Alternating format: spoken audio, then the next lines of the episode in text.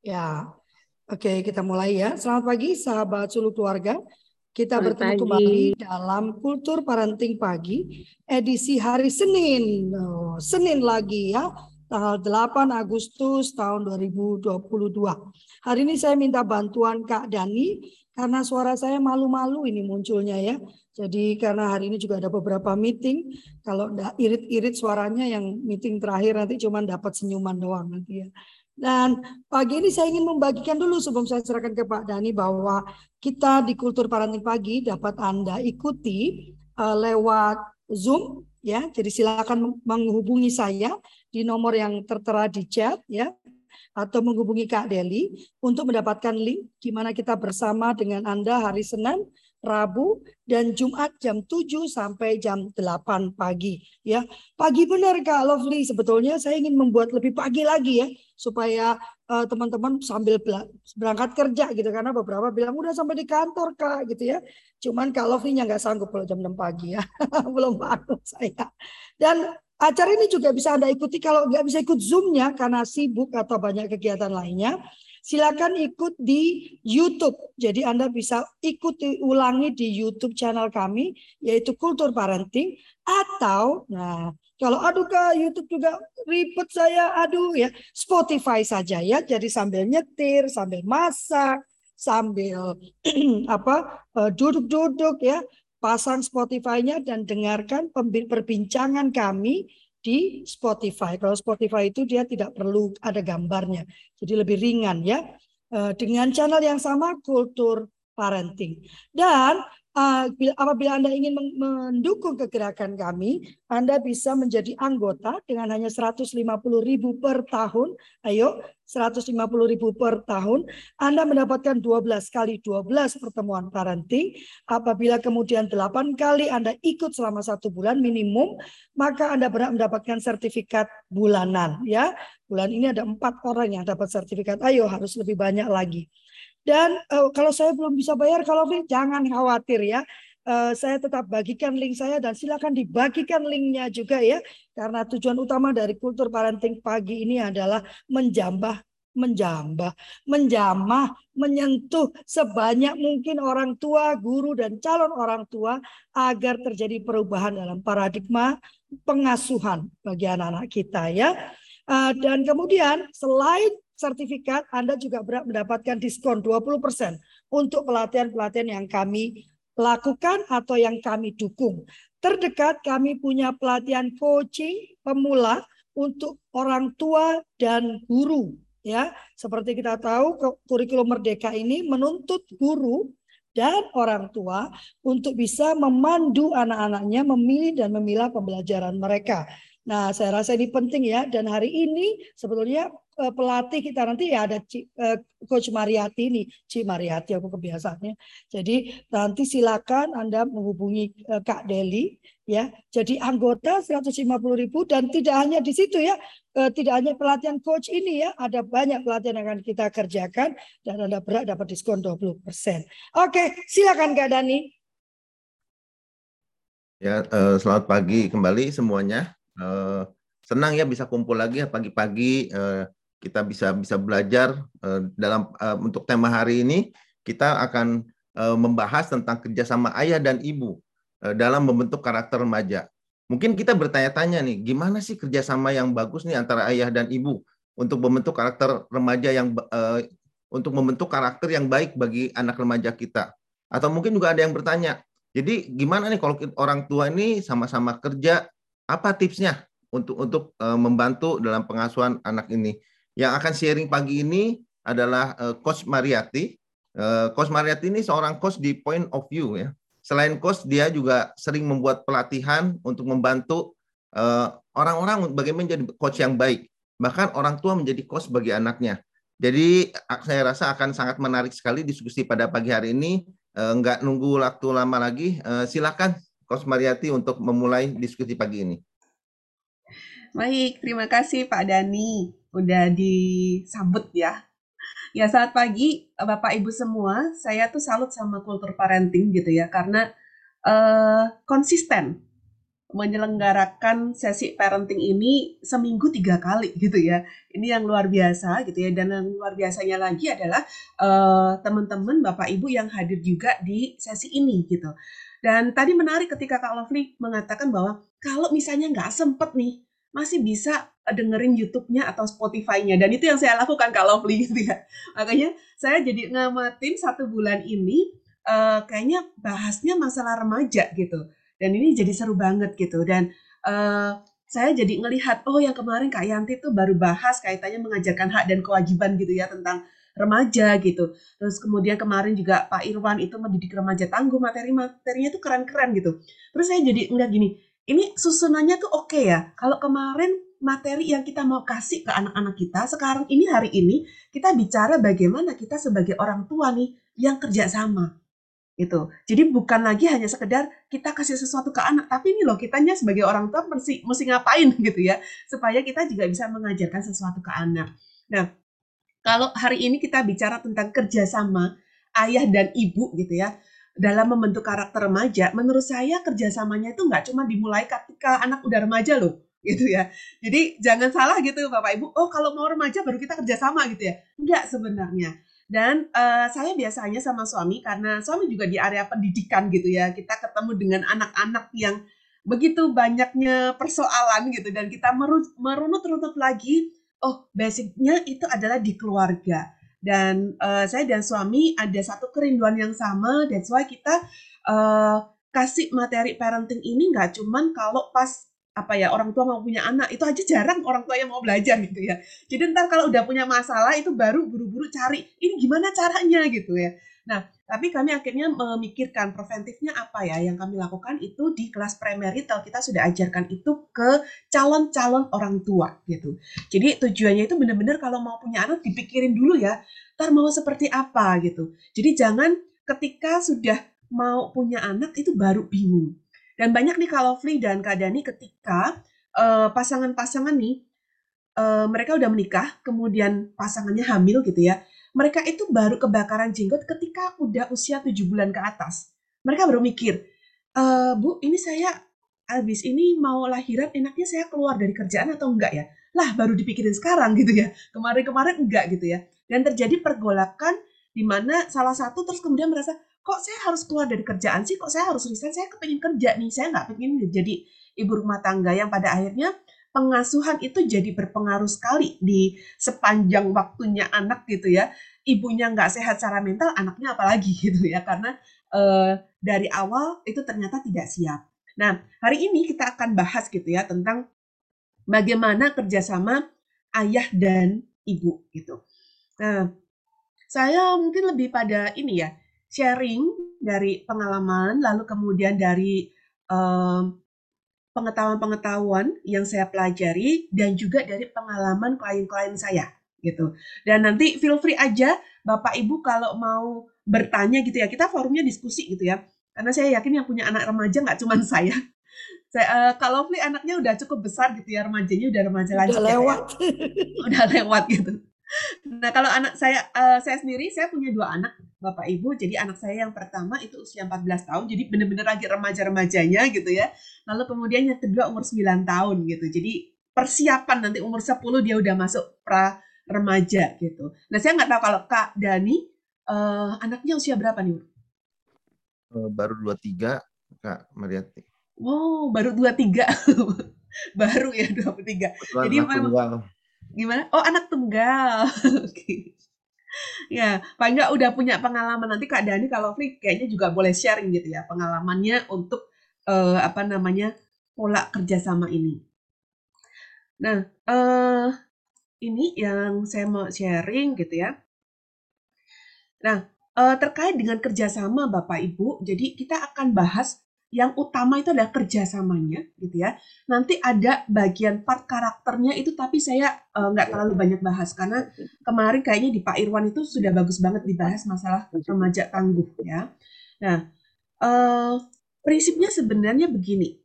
Ketika kita orang tua mau mendidik anak gitu ya, apalagi anak di usia remaja, ini challenging gitu anak-anak di usia remaja gitu ya.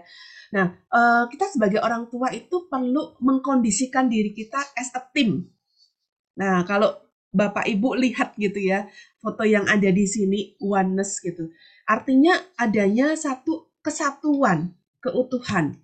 Bayangin Bapak Ibu mau melakukan ini, atraksi semacam ini sama kayak kita juga sedang melakukan atraksi bersama anak remaja kita, kita mau membentuk. Kalau kita nggak satu tim, kalau kita nggak ada satu keutuhan, nggak akan bisa berjalan dengan baik. Gitu pasti ada yang jatuh gitu. Nah, sama halnya dengan pola pengasuhan kita sebagai orang tua, ada yang mungkin ada pihak-pihak yang tersakiti kalau kita tidak satu tim. Masih mending kalau yang tersakiti mungkin salah satu dari orang tua gitu ya. Tapi sering kali yang terjadi adalah anak-anak yang jadi korbannya tersakiti dengan uh, ketidakkompakan orang tua. Nah, um, banyak hal yang kita lihat bahwa kalau tadi judulnya udah kerjasama orang ayah dan ibu, kesannya itu tuh ideal banget. Padahal gitu ya, dalam kondisi realitanya kita itu dihadapkan dengan kondisi yang tidak ideal gitu. Ada ayah dan ibu gitu ya, tapi di rumah mereka juga sendiri-sendiri. Ada ayah dan ibu, tapi mereka dalam kondisi yang long distance marriage gitu. Ada yang juga single parents gitu ya. Entah itu karena uh, apa bercerai karena meninggal atau memang bercerai gitu ya. Tapi kondisi-kondisi ini yang sering kita hadapi. Ada yang multiple parenting. Artinya karena orang tua bekerja, lalu kemudian anak diasuh oleh pengasuh. Entah itu babysitter, terus kemudian anak e, diasuh oleh kakek nenek atau diasuh ada om tante. Jadi hidup dalam satu rumah yang besar, ada om tante, ada kakek nenek. Wah, itu campur aduk lagi gitu ya. Jadi uh, ini yang biasanya sering kali jadi keluhan-keluhan. Atau satu hal lagi adalah mereka hidup dalam satu uh, rumah, benar-benar dalam orang ayah, ibu dan anak gitu ya. Tapi salah satu pihak memang menyatakan enggan berperan gitu. Dan ini ada banget gitu ya. Jadi uh, saya tidak mengatakan bahwa ini salah, ini betul gitu ya. Kalau bilang ideal, idealnya memang kedua kedua belah pihak ayah dan ibu berperan dan dan dua-duanya aktif gitu. Tapi saya bilang untuk mencapai kondisi ideal itu itu itu jarang banget gitu ya. Jadi mari kita uh, apa namanya menapak bumi gitu ya, realistis dengan kondisi yang ada. Kalau bisa ideal itu akan sangat baik. Tapi kalau enggak, apa yang dilakukan? Bukan berarti kita tidak bisa menciptakan satu kondisi yang kita bisa mendidik anak-anak menjadi tangguh gitu ya, remaja menjadi punya satu karakter. Nah, uh, Prinsipnya, Bapak Ibu, itu adalah bagaimana kita mensinkronkan. Nah, kalau kondisinya seperti ini, long distance atau single parents atau multiple gitu ya, atau enggan, yang penting adalah bagaimana kita mensinkronkan. Ini ibarat korek api gitu ya. Uh, kita itu bisa menyalakan uh, pentol korek apinya ini kalau kita sinkron semuanya. Apa yang perlu disinkronin? Intensinya, energinya, sama state-nya. Gitu. Intensinya misalnya kalau ada figur ayah dan ibu, intensinya apa nih? Apa yang mau kita bawa buat anak remaja kita? Karakter apa yang mau kita bangun? Nah, di dalam uh, sesi-sesi konseling saya atau di sesi-sesi uh, workshop yang saya berikan, uh, saya sering tanya ke pasangan gitu ya. Sebenarnya apa sih yang mau dibawa untuk anak-anak? Gitu. Karakter apa yang mau dibangun? Atau tujuan apa yang dibangun? Dan mostly uh, setiap orang punya jawaban sendiri-sendiri, bahkan pasangan suami istri. Gak salah gitu ya, karena memang setiap orang kita individu yang berbeda kok. Kita punya tujuan masing-masing, tapi di sini yang perlu kita sinkronkan. Dan saya yakin setiap pasangan, setiap orang tua punya tujuan yang baik sama anaknya. Tapi caranya ini loh yang nggak pas. Sama halnya seperti multiple parenting. Ada kakek, nenek, om, tante, dan segala macam mereka punya tujuan baik nggak? Punya tujuan baik. Tapi mungkin caranya nggak nggak pas. Caranya yang nggak seirama. Caranya yang nggak nggak sinkron satu dengan yang lain. Nah, di sini yang perlu disinkronkan. Gitu. Nah, energi apa yang mau kita bawa? Gitu ya. Nah, ini penting. Karena energi itu sesuatu yang nggak kelihatan tapi dirasakan oleh anak-anak kita. Jadi kalau kita nggak klop, kita nggak sinkron gitu ya, itu yang eh, dirasakan oleh anak-anak. Kadang anak itu tidak ngomong, tapi dia merasakan. Saya pernah survei uh, Bapak Ibu. Jadi karena dalam rangka mau bikin buku gitu ya tentang apa kata remaja tentang orang tuanya gitu ya. Dan bagaimana anak-anak malah curhat di sesinya uh, Google Form yang saya sharing gitu ya.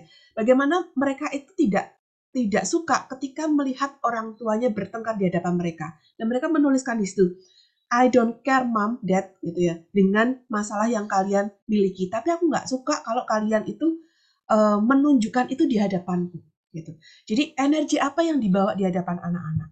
Nah, di sini yang kita perlu memang aware, kita betul-betul uh, mindful apa yang kita bawa di hadapan anak-anak. Bukan hanya sekedar mengajarkan, oh saya kasih nih karakternya, saya uh, didik kalian supaya tangguh, tapi kita tidak menunjukkan hal itu, tidak memberikan energi itu, intensinya dan state-nya.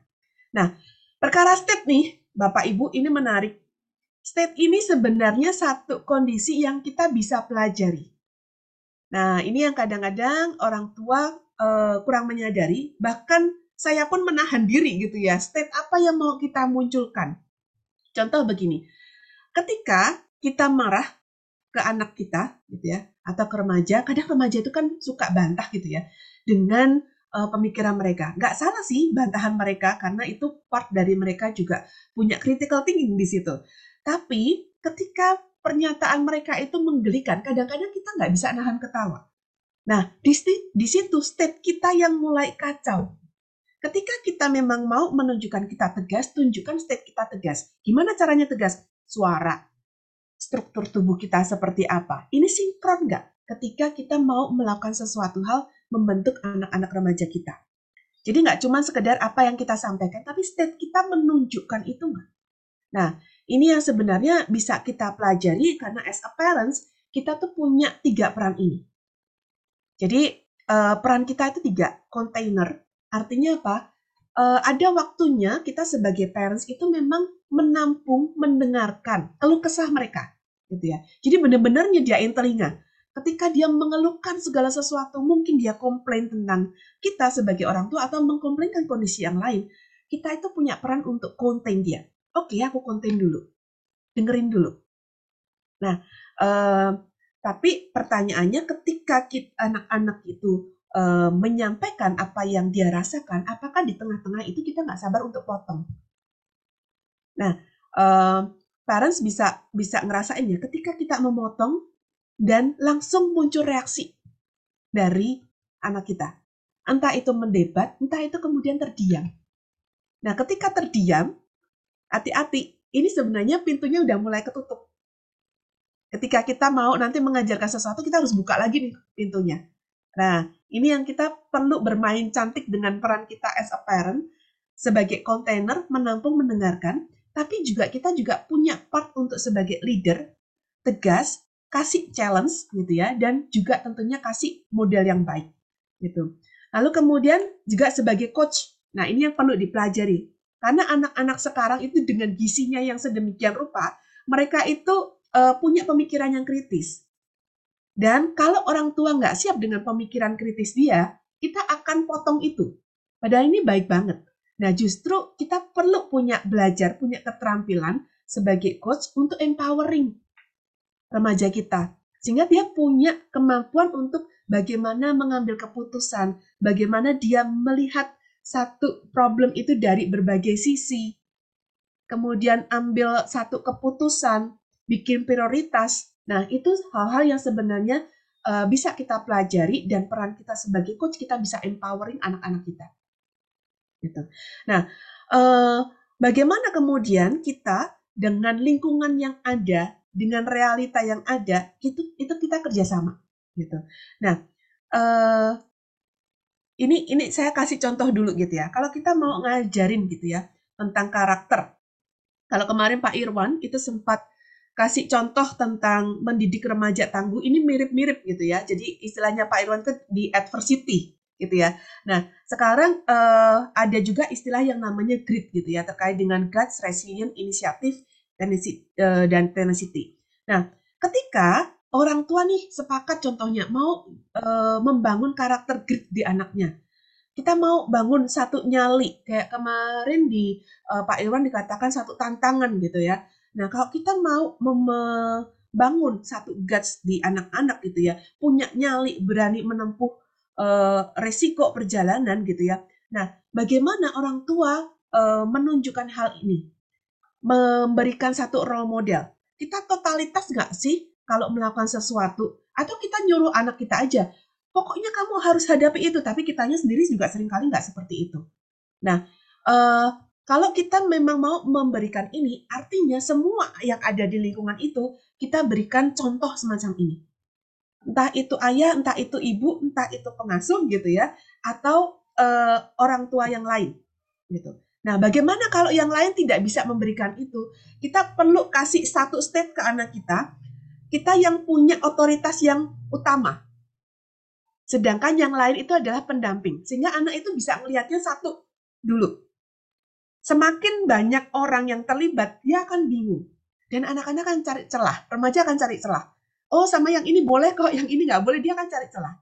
Nah justru ini kita ajak remaja untuk bicara bahwa otoritas yang utama itu di kami. Kalau di situ ada ayah dan ibu ya, di kami, saya dan uh, ayah dan ibu gitu. Atau kalau misalnya uh, apa namanya salah satu pihak misalnya si ibu merasa saya nggak nggak mau ambil satu peranan ini gitu ya. At least jangan merusak gitu ya. Jangan membuat satu uh, ayahnya menunjukkan satu guts mamanya yang tarik tarik dia. Nah ini yang akan uh, membuat anak bingung. Resilience seperti itu. Uh, membuat anak tangguh setiap ada proses ada bouncing back ketika dia turun ke bawah bagaimana dia bisa bouncing back lagi nah ini caranya adalah uh, lakukan fokus kemudian bikin anak-anak punya tujuan. Inisiatif juga bagaimana membuat anak-anak bisa memulai tindakan tanpa disuruh self starter, biasakan mengajukan diri. Tapi balik lagi, kita sebagai individu dewasa yang ada di sekeliling remaja, kita biasa seperti ini juga atau enggak? Dan juga tenacity, gigih sampai tuntas. Nah, ini contohnya ketika kita ngajarin satu karakter gitu ya ke remaja kita, bagaimana kita bisa memberikan satu contoh role model. Jadi walk the talk, peran kita as a leader-nya itu itu mesti kuat. Gitu.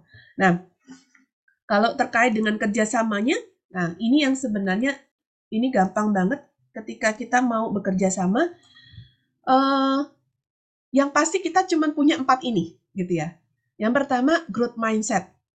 Ketika orang tua punya growth mindset, kita nggak kemudian selalu judging anak kita ini salah gitu ya. Kamu nggak boleh A, kamu nggak boleh B. Tapi kita dengerin dulu. Apa yang membuat kamu melakukan semacam itu? Pasti ada reason di balik itu. Nah, dari situ baru kita bisa nanti masuk ke anak. Kemudian, um, growth mindset artinya kita dengan pasangan atau dengan lingkungan yang lain, itu kita juga nggak judge. Gitu. Tapi bagaimana kita bisa bermain cantik di sini dengan mengatakan juga bahwa oke okay, part yang ini ya saya yang lebih utama gitu. Jadi uh, saya kebetulan anak-anak uh, sempat juga diasuh dengan kakek dan neneknya, tetapi waktu itu uh, saya bicara gitu ya dengan orang tua, duduk gitu ya. Uh, saya bilang ke papa mama, papa mama uh, nitip anak-anak di sini, tapi terkait dengan aturan-aturan tolong anak-anak ikuti aturan yang saya buat. Jadi ketika saya misalnya sudah mengatakan tidak, uh, tolong papa mama juga hargai bagaimana saya membuat aturan supaya anak ini jadi dalam tanda kutip. Gitu. Dan akhirnya itulah yang dilakukan. Jadi ketika anak-anak kadang cari celah gitu ya, bilang ke uh, orang tua saya, Mak mau ini dong, kamu telepon dulu papa mama, boleh nggak? Akhirnya dia tahu, oh ini izinnya ke papa mama gitu, bukan hanya sekedar ke uh, mak dan engkong gitu ya. Lalu kemudian kalau misalnya ketika saya memarahi, kadang-kadang orang tua yang nggak tega gitu ya. Nah, ini di sini perannya bagaimana uh, kemudian saya mencari waktu satu. Kalau marah, hati-hati nggak di depan semua orang. Satu mempermalukan anak, dua juga menghindari intervensi banyak orang gitu. Lalu kemudian kalau misalnya uh, harus saat itu saya memberitahu anak gitu ya, Orang tua saya kalau ngasih tahu saya nggak di depan anak. Jadi saya akan dipanggil sendiri. Saya akan dikasih tahu, kamu nggak bisa gitu sama anakmu gitu. Nah di situ yang saya kemudian uh, berargumen ke orang tua ya. Lalu kemudian sepakat nih tujuannya gitu ya. Kita mau ke arah mana nih? Jadi jelas, clear ketika clear anak akan lebih mudah untuk mengikuti. Nah, ini yang penting. Aspek yang ketiga, fokus pada anak. Kenapa saya bilang ini aspek yang penting? Karena biasanya di sini yang terjadi uh, apa ya, main baper-baperan, kemudian ego di situ bicara. Ini terutama juga uh, antara suami dan istri. Banyak orang tua yang ketika datang ke saya, salah satu menyalahkan. Ini nih, uh, suami saya nggak mau terlibat, gitu ya. Saya harus berjuang sendiri, harus gimana dong, gitu ya. Terus setiap kali ada masalah, nah kan betul kan? Jadi uh, menyalahkan atau mendiskreditkan uh, salah satu pihak. Balik lagi, kalau saya prinsipnya, ketika salah satu pihak, misalnya pasangan, itu memang menyatakan enggan terlibat, ya udah, kita nggak usah eyal-eyalan siapa yang harus gitu ya.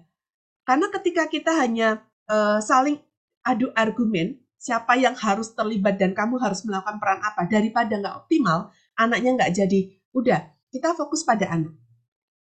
Ketika salah satu nggak bisa berperan dengan optimal, ya sudah, saya yang mengoptimalkan peran saya. Termasuk di sini uh, single parent. Kita nggak mungkin menghadirkan sosok yang lain gitu ya. Kita bisa memberikan satu role model, oh contoh ini bisa, tapi nggak bisa uh, keseharian bersama dengan remaja kita. Nah, ketika kita sendiri, ya fokus anak ini mau saya jadikan seperti apa. Makanya saya melakukan do, do my best. Apa yang bisa saya lakukan yang terbaik, sehingga itu bisa didapatkan oleh anak kita. Dan yang terakhir adalah totalitas. Baik, balik lagi do my best itu apa yang bisa saya lakukan. Gitu. Nah, itu sih uh, sedikit gitu ya tentang bagaimana sebagai ayah dan ibu bisa bekerja sama gitu ya untuk membentuk karakter dari remaja.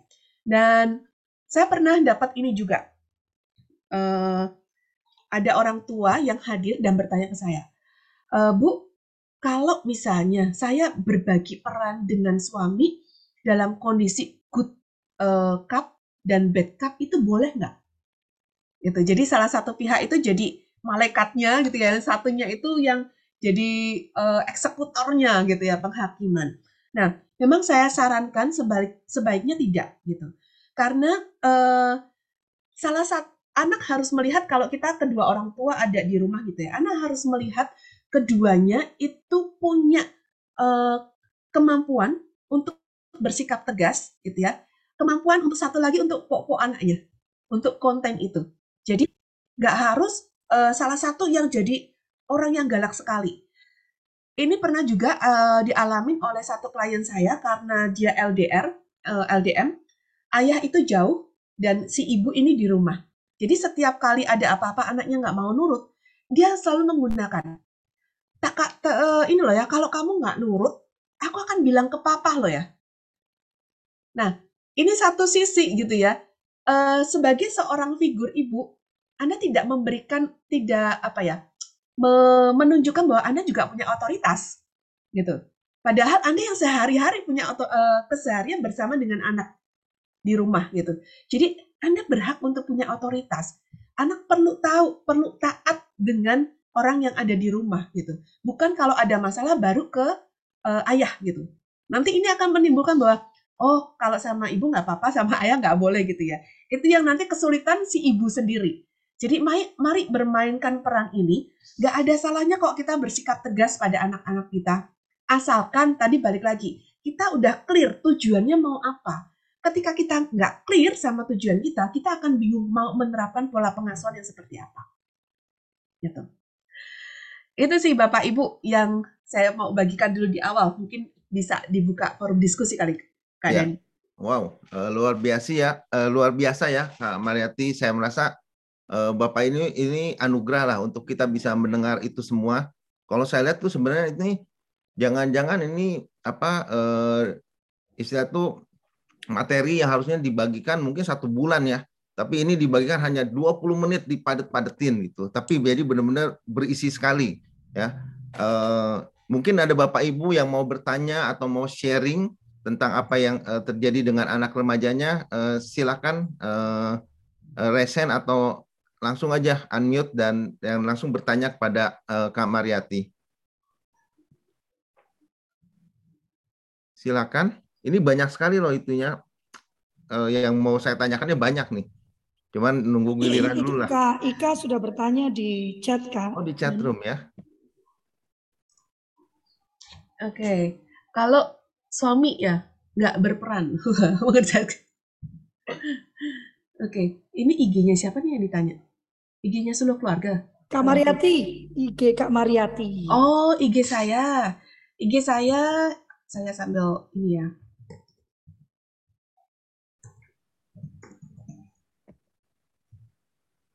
Itu atau bisa uh, ada di keluarga milenial juga. Nah, uh, saya jawab ya Kak uh, Dokter Ika gitu ya. Kalau suami di tipe 4, nah ini biasanya yang banyak dikeluhkan si ibu-ibu gitu ya. Suami saya nggak mau. Nah, uh, saya selalu bilang begini, bukannya suami nggak punya peran loh. Punya peran, cuman tidak seperti ekspektasinya ibu-ibu gitu. Itu yang bikin biasanya bikin jadi masalah gitu ya. Jadi uh, ketika misalnya suami memilih untuk oke okay, saya yang bekerja ya, saya di area ini, itulah peran dia, gitu. Jadi uh, kalau saya lebih pada melihat bahwa uh, ini dulu ya, membuka pikiran kita, membuka hati kita, karena kadang-kadang kita sering kecewa dengan ekspektasi kita sendiri, gitu. Berharap bahwa oh suaminya ikutan ngasih tahu anak, ikutan ngajarin anak gitu ya. Jadi kalau memang balik lagi kesepakatan gitu ya.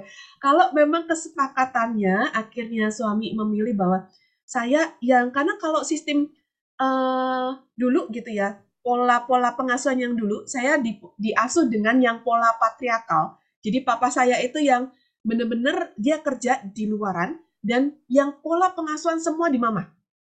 Gitu.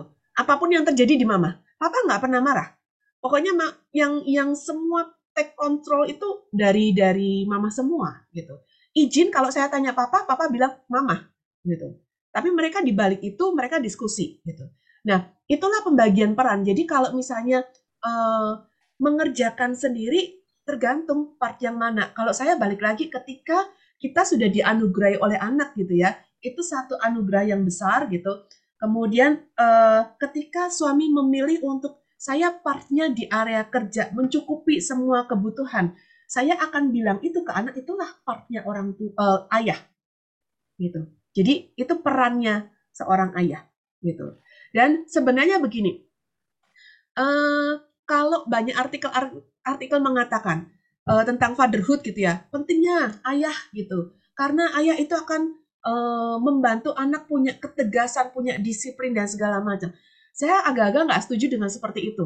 Karena apakah seorang ibu tidak bisa mengajarkan ketegasan, seorang ibu tidak bisa mengajarkan disiplin gitu ya? Nggak juga gitu ya. Atau kebalikannya gitu. Kebalikannya ketika ada orang uh, ada seorang ayah yang memutuskan menjadi ayah rumah tangga. Karena kebetulan karir dari si ibu ini lebih bagus gitu. Dan apakah si ayah ini tidak bisa memberikan uh, kemampuan nurturing seperti ibu? Punya. Dan menurut saya kita laki-laki maupun wanita itu punya dua sisi ini. Feminis, feminin dan maskulin itu tetap ada di keduanya gitu. Cuman mana yang dominan, mana yang sering dipakai. Gitu. Dan karena satu budaya gitu ya, kita akhirnya jadi terbiasa bahwa oh uh, yang laki-laki itu yang mengajarkan ini, yang perempuan seperti ini. Nah, ini yang menurut saya keduanya sebenarnya bisa kita uh, ajarkan juga gitu. Nggak masalah apakah itu pria maupun wanita gitu. Lalu kemudian uh, butuh komitmen bersama untuk mendidik anak karena kemungkinan terbentuk dari sosok orang tua suami yang semua diserahkan. Ya, benar. Uh, kalau kita punya pasangan yang kemudian dia kemudian dengan kesadarannya, yuk kita bagi bersama gitu ya part yang ini gitu ya, itu uh, kita bersyukur gitu. Tapi kalau enggak pun, ya kita tetap mensyukuri itu. At least pentingnya begini, Setidaknya kalau misalnya si ayah itu kemudian memutuskan berperan dalam hal bekerja di luar rumah mendapatkan penghasilan dan segala macam mencukupi kebutuhan keluarga, um, at least dia tidak merusak aturan yang sudah dibuat, mematahkan. Jadi misalnya begini, uh, si ibu sudah bikin aturan, kita itu uh, ke mall cuman seminggu sekali, eh tiba-tiba si ayah ini tengah-tengah jalan, Yuk kita ke mall. Nah, itu yang mematahkan itu. Ini yang perlu dikomunikasikan. Itu. Sehingga eh, apa namanya paling tidak perannya kita bisa punya peran masing-masing. Tapi bukan artinya suami tidak punya peran ya. Seperti misalnya saya dengan orang tua saya, saya cuma bilang perannya yang pasti uh, mama, papa uh, titipnya dalam artian ketika mereka pulang di rumah ingetin anak-anak untuk segera makan, bikin PR. Nah, perannya orang tua di situ. Itu. Itu yang perlu dikomunikasikan. Wow. Itu, Dokter uh, Ika. Seru, seru. Dokter Ika, udah terjawab pertanyaannya? Uh, mengenai peran itu sangat menarik, uh, sangat menarik ya. Uh, yang tadi dicerita sama Kak Mariati juga itu yang yang yang apa mengenai good cup sama bad cup ya. Uh, kayaknya itu uh, sangat menarik sekali gitu. Karena memang anak sendiri itu sangat pinter dari saya perhatikan dari umur uh, masih kecil lah dua tiga tahun ini dia kan udah tahu oh kalau melakukan lakukan ini minta izinnya ke mama kalau yang ini minta izinnya ke papa gitu. Karena kalau enggak nanti pasti dilarang gitu. Udah jadi mereka uh, sangat pinter sekali gitu. Nah mungkin mengenai peran saya mau bertanya juga nih um, kan dibilang ada peran parent itu sebagai kontainer uh, leader sama coach. Itu kita berbagi peran suami dan istri atau ketiga ini harus dipunyai oleh suami dan dipunyai oleh uh, istri nih coach? Nah, sebaiknya kita memang punya itu semua. Oh. Jadi seperti, uh, seperti ini misalnya. Ketika uh, anak gitu ya uh, kena marah dari ini ini saya share pengalaman saya. Uh, anak saya dimarahin oleh suami saya gitu. Bukan berarti kalau suami marah saya ikutan marah. Anak tambah stres dong dua-duanya marah gitu ya. Saya diam aja gitu. Tapi kemudian setelah anak ini dimarahin nangis gitu ya dia keluar kamar dia datengin saya. Nah di situ saya cuma dengerin oke okay, apa? Peran saya as a container. Hmm. suami saya as a leader di situ gitu ya. Terus kemudian saya hanya wrap up oke terus menurutmu apa yang tadi disampaikan papa menurutmu seperti apa jadi dia punya punya ruang untuk menyampaikan apa yang dia rasakan, apa yang dia pikirkan. Oke, nextnya kalau gitu gimana? Nah, ini saya mulai dari kontainer geser ke coach. Gitu. Tapi uh, artinya saya tahu leadernya di sini, uh, saya rem dulu, saya nggak perlu marah-marah karena dia udah dapetin di sana. Gitu. Nah, sebaliknya ketika uh, saya marah, nanti suami kadang anak gitu ke sana. Jadi mengadu, kadang dalam tanda kutip mengadu itu kemudian bukan kemudian kita kemudian iya ya mamamu itu memang seperti itu gitu ya. Kan kita kan berarti kan me, meruntuhkan gitu ya, meruntuhkan satu otoritas, satu uh, ini. Tapi justru ditanya apa yang kamu rasakan. Terus kamu uh, menurutmu pendapat mama apa yang tadi mama kasih tahu itu oke okay enggak? Gitu. Nah, sehingga di situ kita bisa anak itu setelah uh, merasa tersakiti, ini di wrap up oleh pasangan itu jadi lebih paham kenapa orang tua saya itu memperlakukan saya semacam ini. Gitu. Jadi memang kita perlu ketiganya itu untuk bermain peran itu. Wow. Itu uh, akan sehat sekali ya mental anaknya kalau kalau punya orang tua seperti begitu ya. Tapi kita pun orang tua tidak sempurna ya Pak. kita nggak mungkin uh, apa pasti kita ada errornya juga kok gitu. Jadi kadang kalau misalnya ya saya kalau pas lagi kesel gitu ya, ke-trigger sedikit gitu ya, saya udah langsung tuh marah-marah. Nah, suami saya konten, tapi setelah itu dia yang kasih tahu saya. Kamu nggak pas loh. Yang kamu permasalahkan tuh apa? Gitu. Ini tuh tadi si anak gini loh. Oh oke. Okay. Gitu. Dan peran di situ kemudian saya balik lagi ke anak. Saya jelasin dan uh, apa salah satu part yang saya perlu lakukan adalah saya minta maaf gitu loh karena uh, karena saya nggak oke okay Artinya kita sebagai orang tua juga perlu juga minta maaf, nggak harus selalu yang namanya orang tua tuh selalu benar semua gitu ya, gitu. Itu sih Kak Dani. Ya, nah itu eh, eh mungkin ada yang nanya, kalau nggak saya nanya dulu nih, saya sih sangat tertarik sekali ini. Ini buat saya topik yang sangat uh, luar biasa. Ada uh, bapak ibu kakak-kakak semua. Nah uh, mungkin uh, apa? Saya lanjutin kayaknya kalau begitu sangat penting ya meng, apa hubungan antara suami istri sendiri eh, sangat penting untuk untuk kita punya tujuan yang sama. Kalau enggak, ya mungkin bisa saling nyalahin malah ya ketika Betul. apa ya depan. Betul. Jadi uh, saya kalau di premarital biasanya memang tujuan awal itu saya pakai salah satunya pakai kartu points of view ya yang tadi teman-teman lihat itu. Jadi saya selalu pilih ambil uh, salah satu goalsmu terhadap keluargamu apa, mereka pilih gitu. Kemudian uh, mereka sharing tuh uh, tujuannya masing-masing yang ada di kepala mereka. Saya cuma tanya, uh, ada nggak tujuan yang dari pasanganmu itu yang menurutmu nggak oke? Okay? Nggak, semua bilang nggak, semua oke okay semua gitu. Nah, uh, tapi masing-masing punya arah yang sedikit berbeda. Nah, kalau saya selalu mengatakan bahwa ketika kita berkeluarga, kita itu perlu belajar yang namanya one page concept. Nah, saya biasanya bagikan satu kertas besar gitu ya, satu uh, kertas A3 gitu ke pasangan. Yuk dari yang tadi sendiri-sendiri nih. Yuk mulai belajar one page one page konsep. Jadi apa yang mau kalian sepakati bersama? Gitu. Jadi akhirnya mereka bikin satu tulisan bersama yang disepakati dan state-nya itu hanya satu kalimat. Jadi dari berbagai macam ideation itu Yuk kemudian dirangkum dalam satu hal, satu kalimat aja. Justru itu challenging karena hanya bikin satu kalimat. Dan kalimatnya jangan majemuk bertingkat ya, itu jadi panjang banget gitu kan. Jadi satu kalimat yang simple sehingga mereka clear. Oh ini loh yang mau saya bangun di keluarga saya. Dan ternyata ini juga Kak Dani, banyak eh, nggak uh, cuman pasangan yang mau menikah aja ya, banyak orang tua yang sudah punya anak-anak bahkan remaja, sudah usia uh, 20-an, itu mereka juga nggak tahu anaknya mau dididik seperti apa itu yang yang datang di tempat saya itu akhirnya jadi family therapy gitu ya. Bahkan anak yang sudah usia 23, seusia anaknya Pak Dani, itu belum pernah pegang ATM sama sekali. Jadi saya tuh ngajarin pakai ATM, ngajarin harus nabung uh, apa di apa boxnya ATM gimana caranya masukin uang sampai segitunya. Iya. Gitu. Oh. Uh, mungkin saya mau nanya nih satu kasus nih. Uh, ya kembali lagi anak saya udah udah udah lulus uh, udah kerja lah intinya gitu.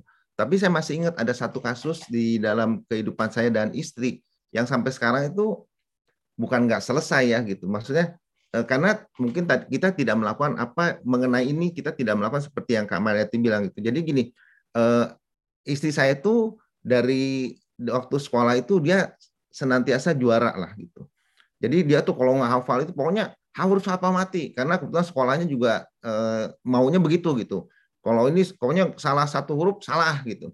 Nah sedangkan saya merasa, aduh pendidikan nggak bukan sesuatu yang bukan segalanya deh gitu. Yang penting ya jangan sampai nggak naik kelas gitu.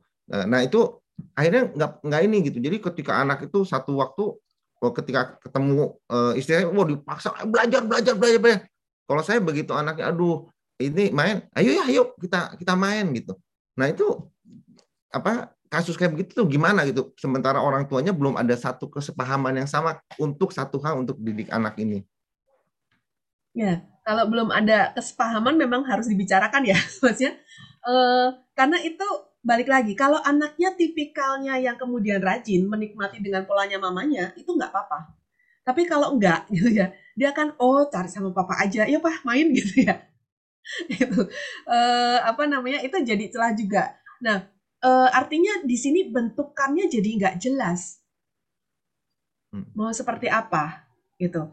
Nah sama sama halnya gitu ya kalau saya dan suami itu sudah sepakat dari awal gitu ya buat kami nilai nilai angka itu bukan satu hal yang uh, penting gitu justru yang penting itu kami justru lihat prosesnya dia jadi ketika Eh, anak-anak uh, itu sudah berproses dengan baik, contoh paling gampang gini, anak kami waktu itu nggak belajar, uh, menantang diri gitu ya, nggak belajar gitu ya, uh, dapat nilai itu 90, secara nilai nggak masalah, tapi kami yang nggak suka adalah bagaimana dia begitu sombongnya dengan tidak belajar.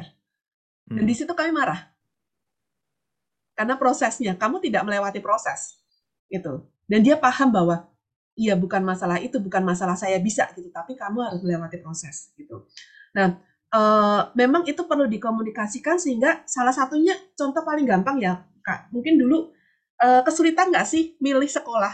Karena kalau ada orang yang uh, startnya kepingin anaknya berprestasi banget dia pasti akan pilih sekolah yang strict banget gitu ya yang full belajar gitu. Tapi ada yang satunya aku nggak pilih sekolah yang strict itu aku butuh yang banyak ekstrakurikulernya malahan. Nah itu mempengaruhi uh, orang tua juga akhirnya bingung menentukan mana yang yang uh, apa namanya harus diberikan ke anak. Nah solusinya kalau nggak sepakat memang salah satu harus mengalah gitu apa boleh buat.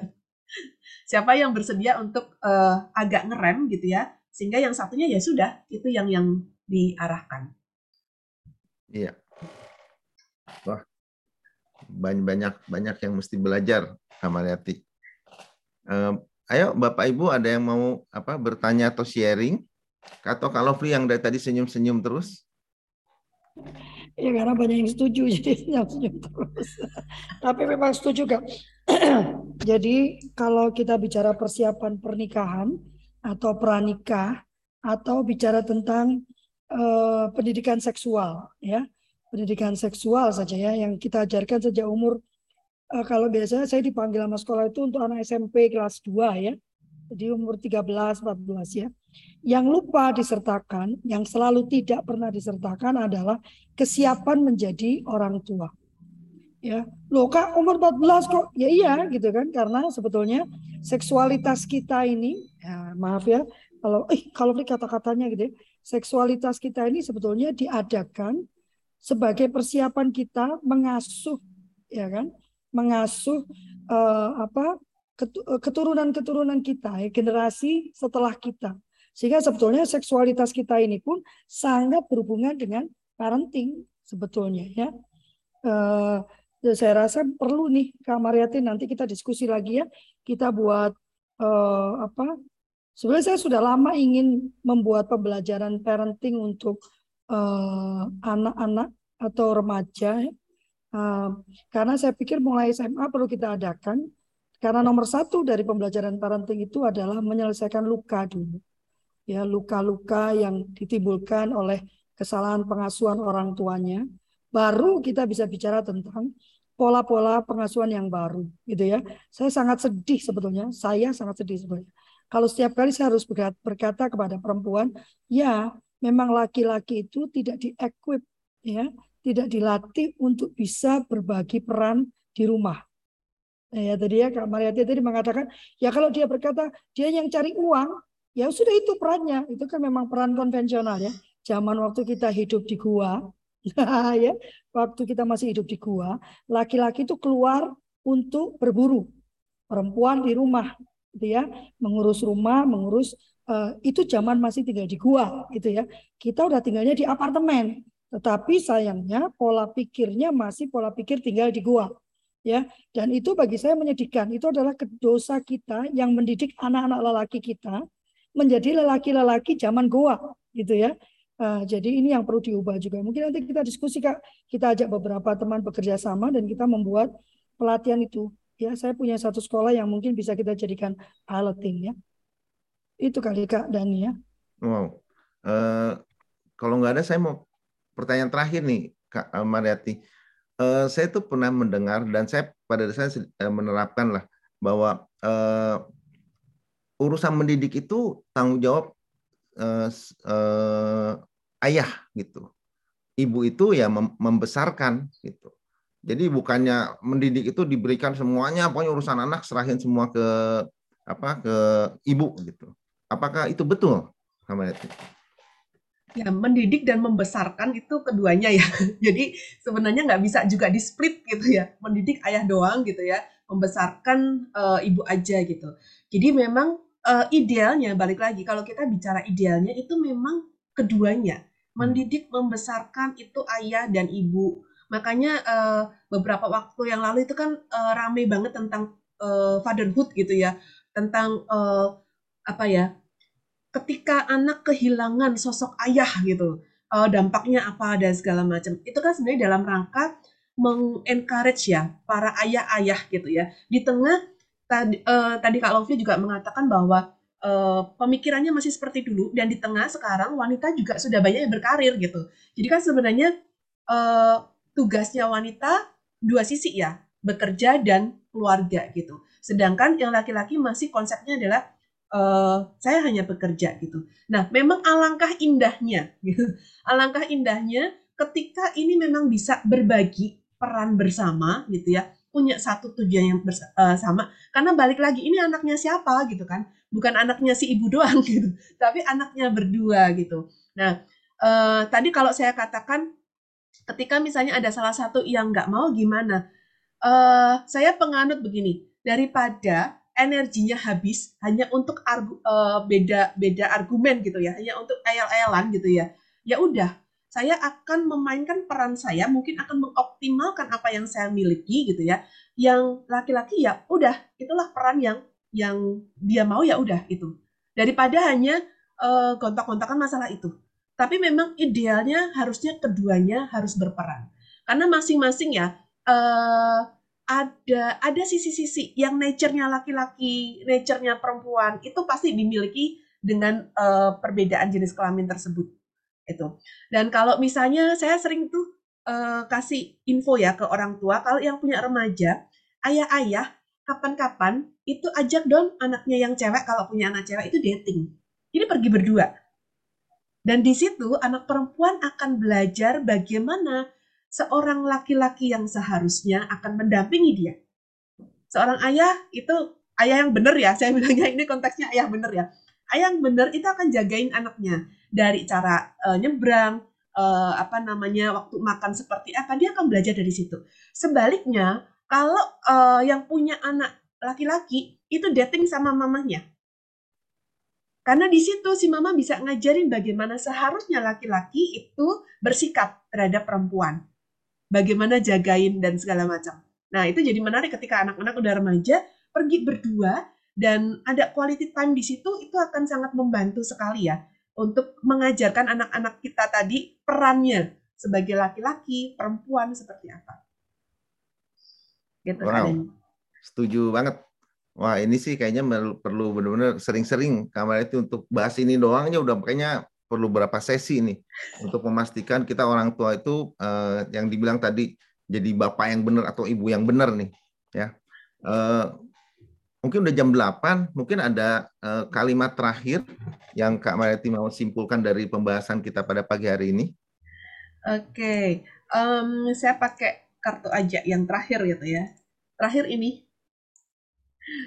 kalau lihat kayak gini gitu ya, ada anjing yang sampai bisa jilatin kita. Nggak tahu, kalau Bapak Ibu rasanya gimana sih? Geli atau gimana?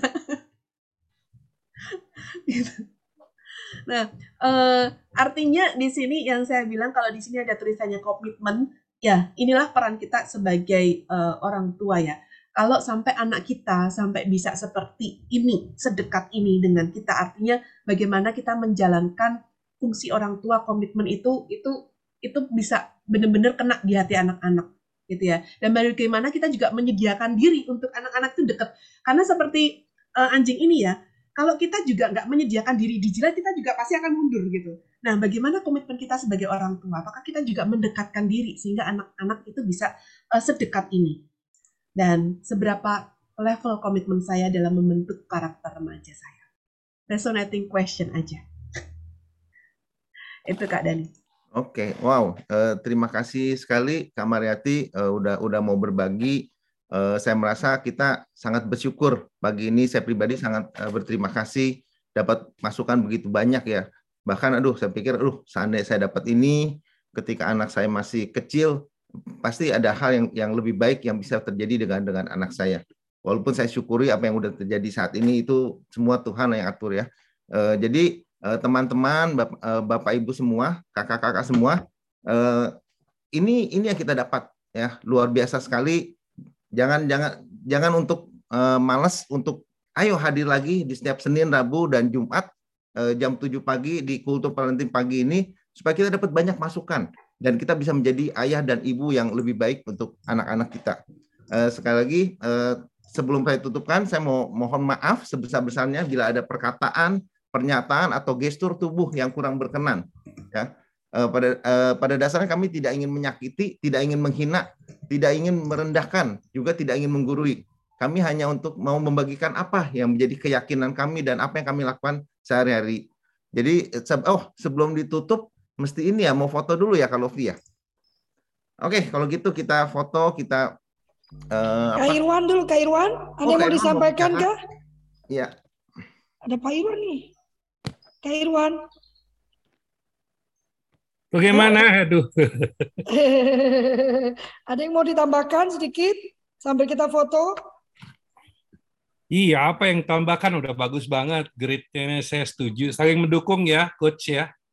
Uh, tinggal masalah penyampaian, modeling, komunikasi itu karena barusan juga terbaca dalam komunikasi itu ternyata kan uh, body language itu pengaruhnya gede ya coach ya gede banget gitu nah selanjutnya ya apa yang dikuasai sama coach Mariati tadi juga perlu kita pelajari itu point of view tuh jadi kadang-kadang kita juga perlu apa uh, metode ataupun cara ataupun alat tools apa yang untuk membantu membantu kita untuk berkomunikasi.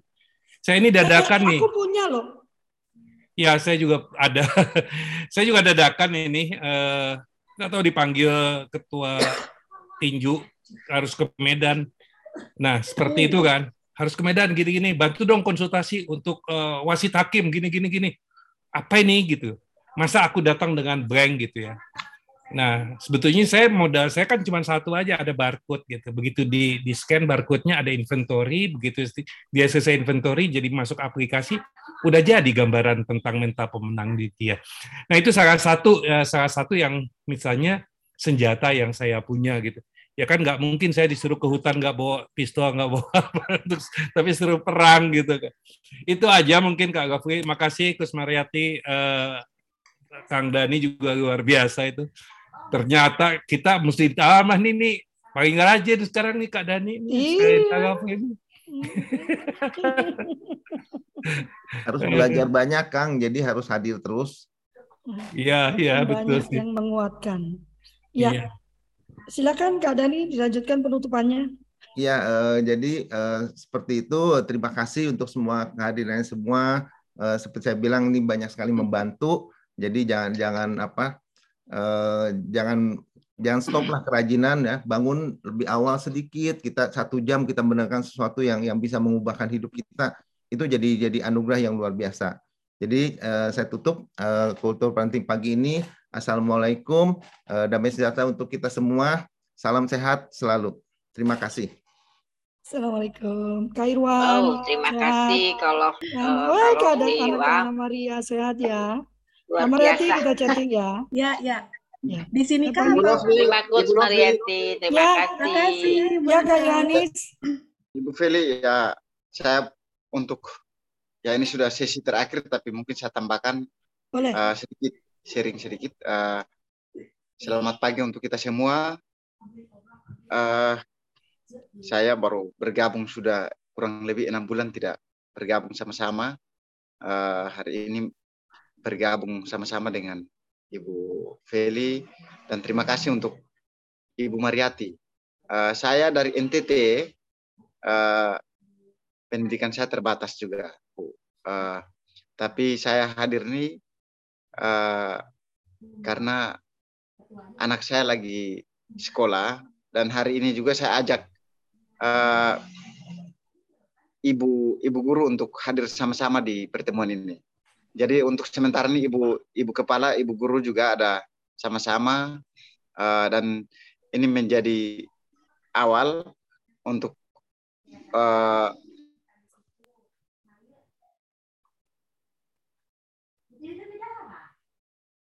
Waduh, Kanis Nuf. masih ada di situ? Nufris ya? Oke, Nufris ya kan dari dari ini kalau. Iya. Jauh kali dari NTT ya? Iya, ini ada Bu ini eh, apa Ketua Kepala Sekolah Kober Alim Alim Mebung ini juga. Ibu Marta dari mana? Kak Marta Kamalau dari mana lokasinya? Dari Alor, Bu. Dari Alor juga. Wah, luar biasa. Luar biasa. Hadir lagi hari Rabu ya, Kak. Hari Rabu itu ada Oh, bagus nih. Hari Rabu itu libur ya, tanggal 17 Agustus, tapi kita tetap on ya uh, karena Kak Philip bisanya dari Rabu ini. Jadi eh bukan bukan sorry uh, bukan tanggal 10 Rabunya hari Rabu itu bicara tentang toxic relationship ya. Jadi hubungan yang toxic ya orang tua dengan anak ataupun anak dengan teman-temannya ya. Nanti yang bicarakan Kak Twinky ya, bukan Lovely Kak Twinky ya. Ayo hadir lagi hari Rabu ya Bu Jafrisa ya uh, dan Bu Marta. Tolong bagikan uh, ke teman-teman yang lain saya rasa kita banyak menemukan hubungan yang toksik ini antara orang tua dan anaknya. Ya. Lovely sudah mau 17-an. Tanggal 10, Bu. Masih tanggal 10. Ya, sebetulnya pas tanggal 17 juga topiknya bagus banget karena nanti Kak Yusenda akan bicara tentang mengajak remaja mengenali emosinya. Ah, ini tanggal 17 itu bagus banget gitu ya. Tapi kembali kalau nggak bisa ikuti Zoom, ada YouTube, ada Spotify. Jadi silakan ya, silakan di ini lagi dan masuk ke anggota seluruh keluarga. Jadi habis nonton Spotify, eh sorry, nonton YouTube, dengerin Spotify, ada pertanyaan nih, burning question kan? Karena tadi nggak sempat tanya, ajukan di dalam grup. Ya, kalau saya tidak bisa menjawab, saya akan sampaikan ke teman saya yang menjadi pembicara. Begitu ya. Ya, kita tutup ya. Aduh sayang Kak Anis. Terima kasih banyak. Sampaikan ke Kak Anis. Terima kasih banyak sudah membantu saya membagikan link. Mohon Bapak Ibu juga membantu saya membagikan link ya. Uh, ya, uh, ini bukan bicara tentang uang, ini bicara tentang penjangkauan ya. Makin banyak orang tua bisa kita jangkau, makin banyak orang tua bisa kita ubahkan, kita yakinkan tentang pemenuhan hak anak, maka anak-anak kita bisa diselamatkan. Bangsa kita bisa diselamatkan. Begitu ya. Wassalamualaikum warahmatullahi wabarakatuh. Tuhan memberkati. Sampai ketemu hari Rabu. Kak Mariati, terima kasih. Selamat pagi. Selamat amin, pagi. Amin. Lovely. Kak Deli silakan ditutup ya. Kalau Fli kita di sini atau via WA? Eh, nanti tak bikinkan link sendiri. Oke. Ya.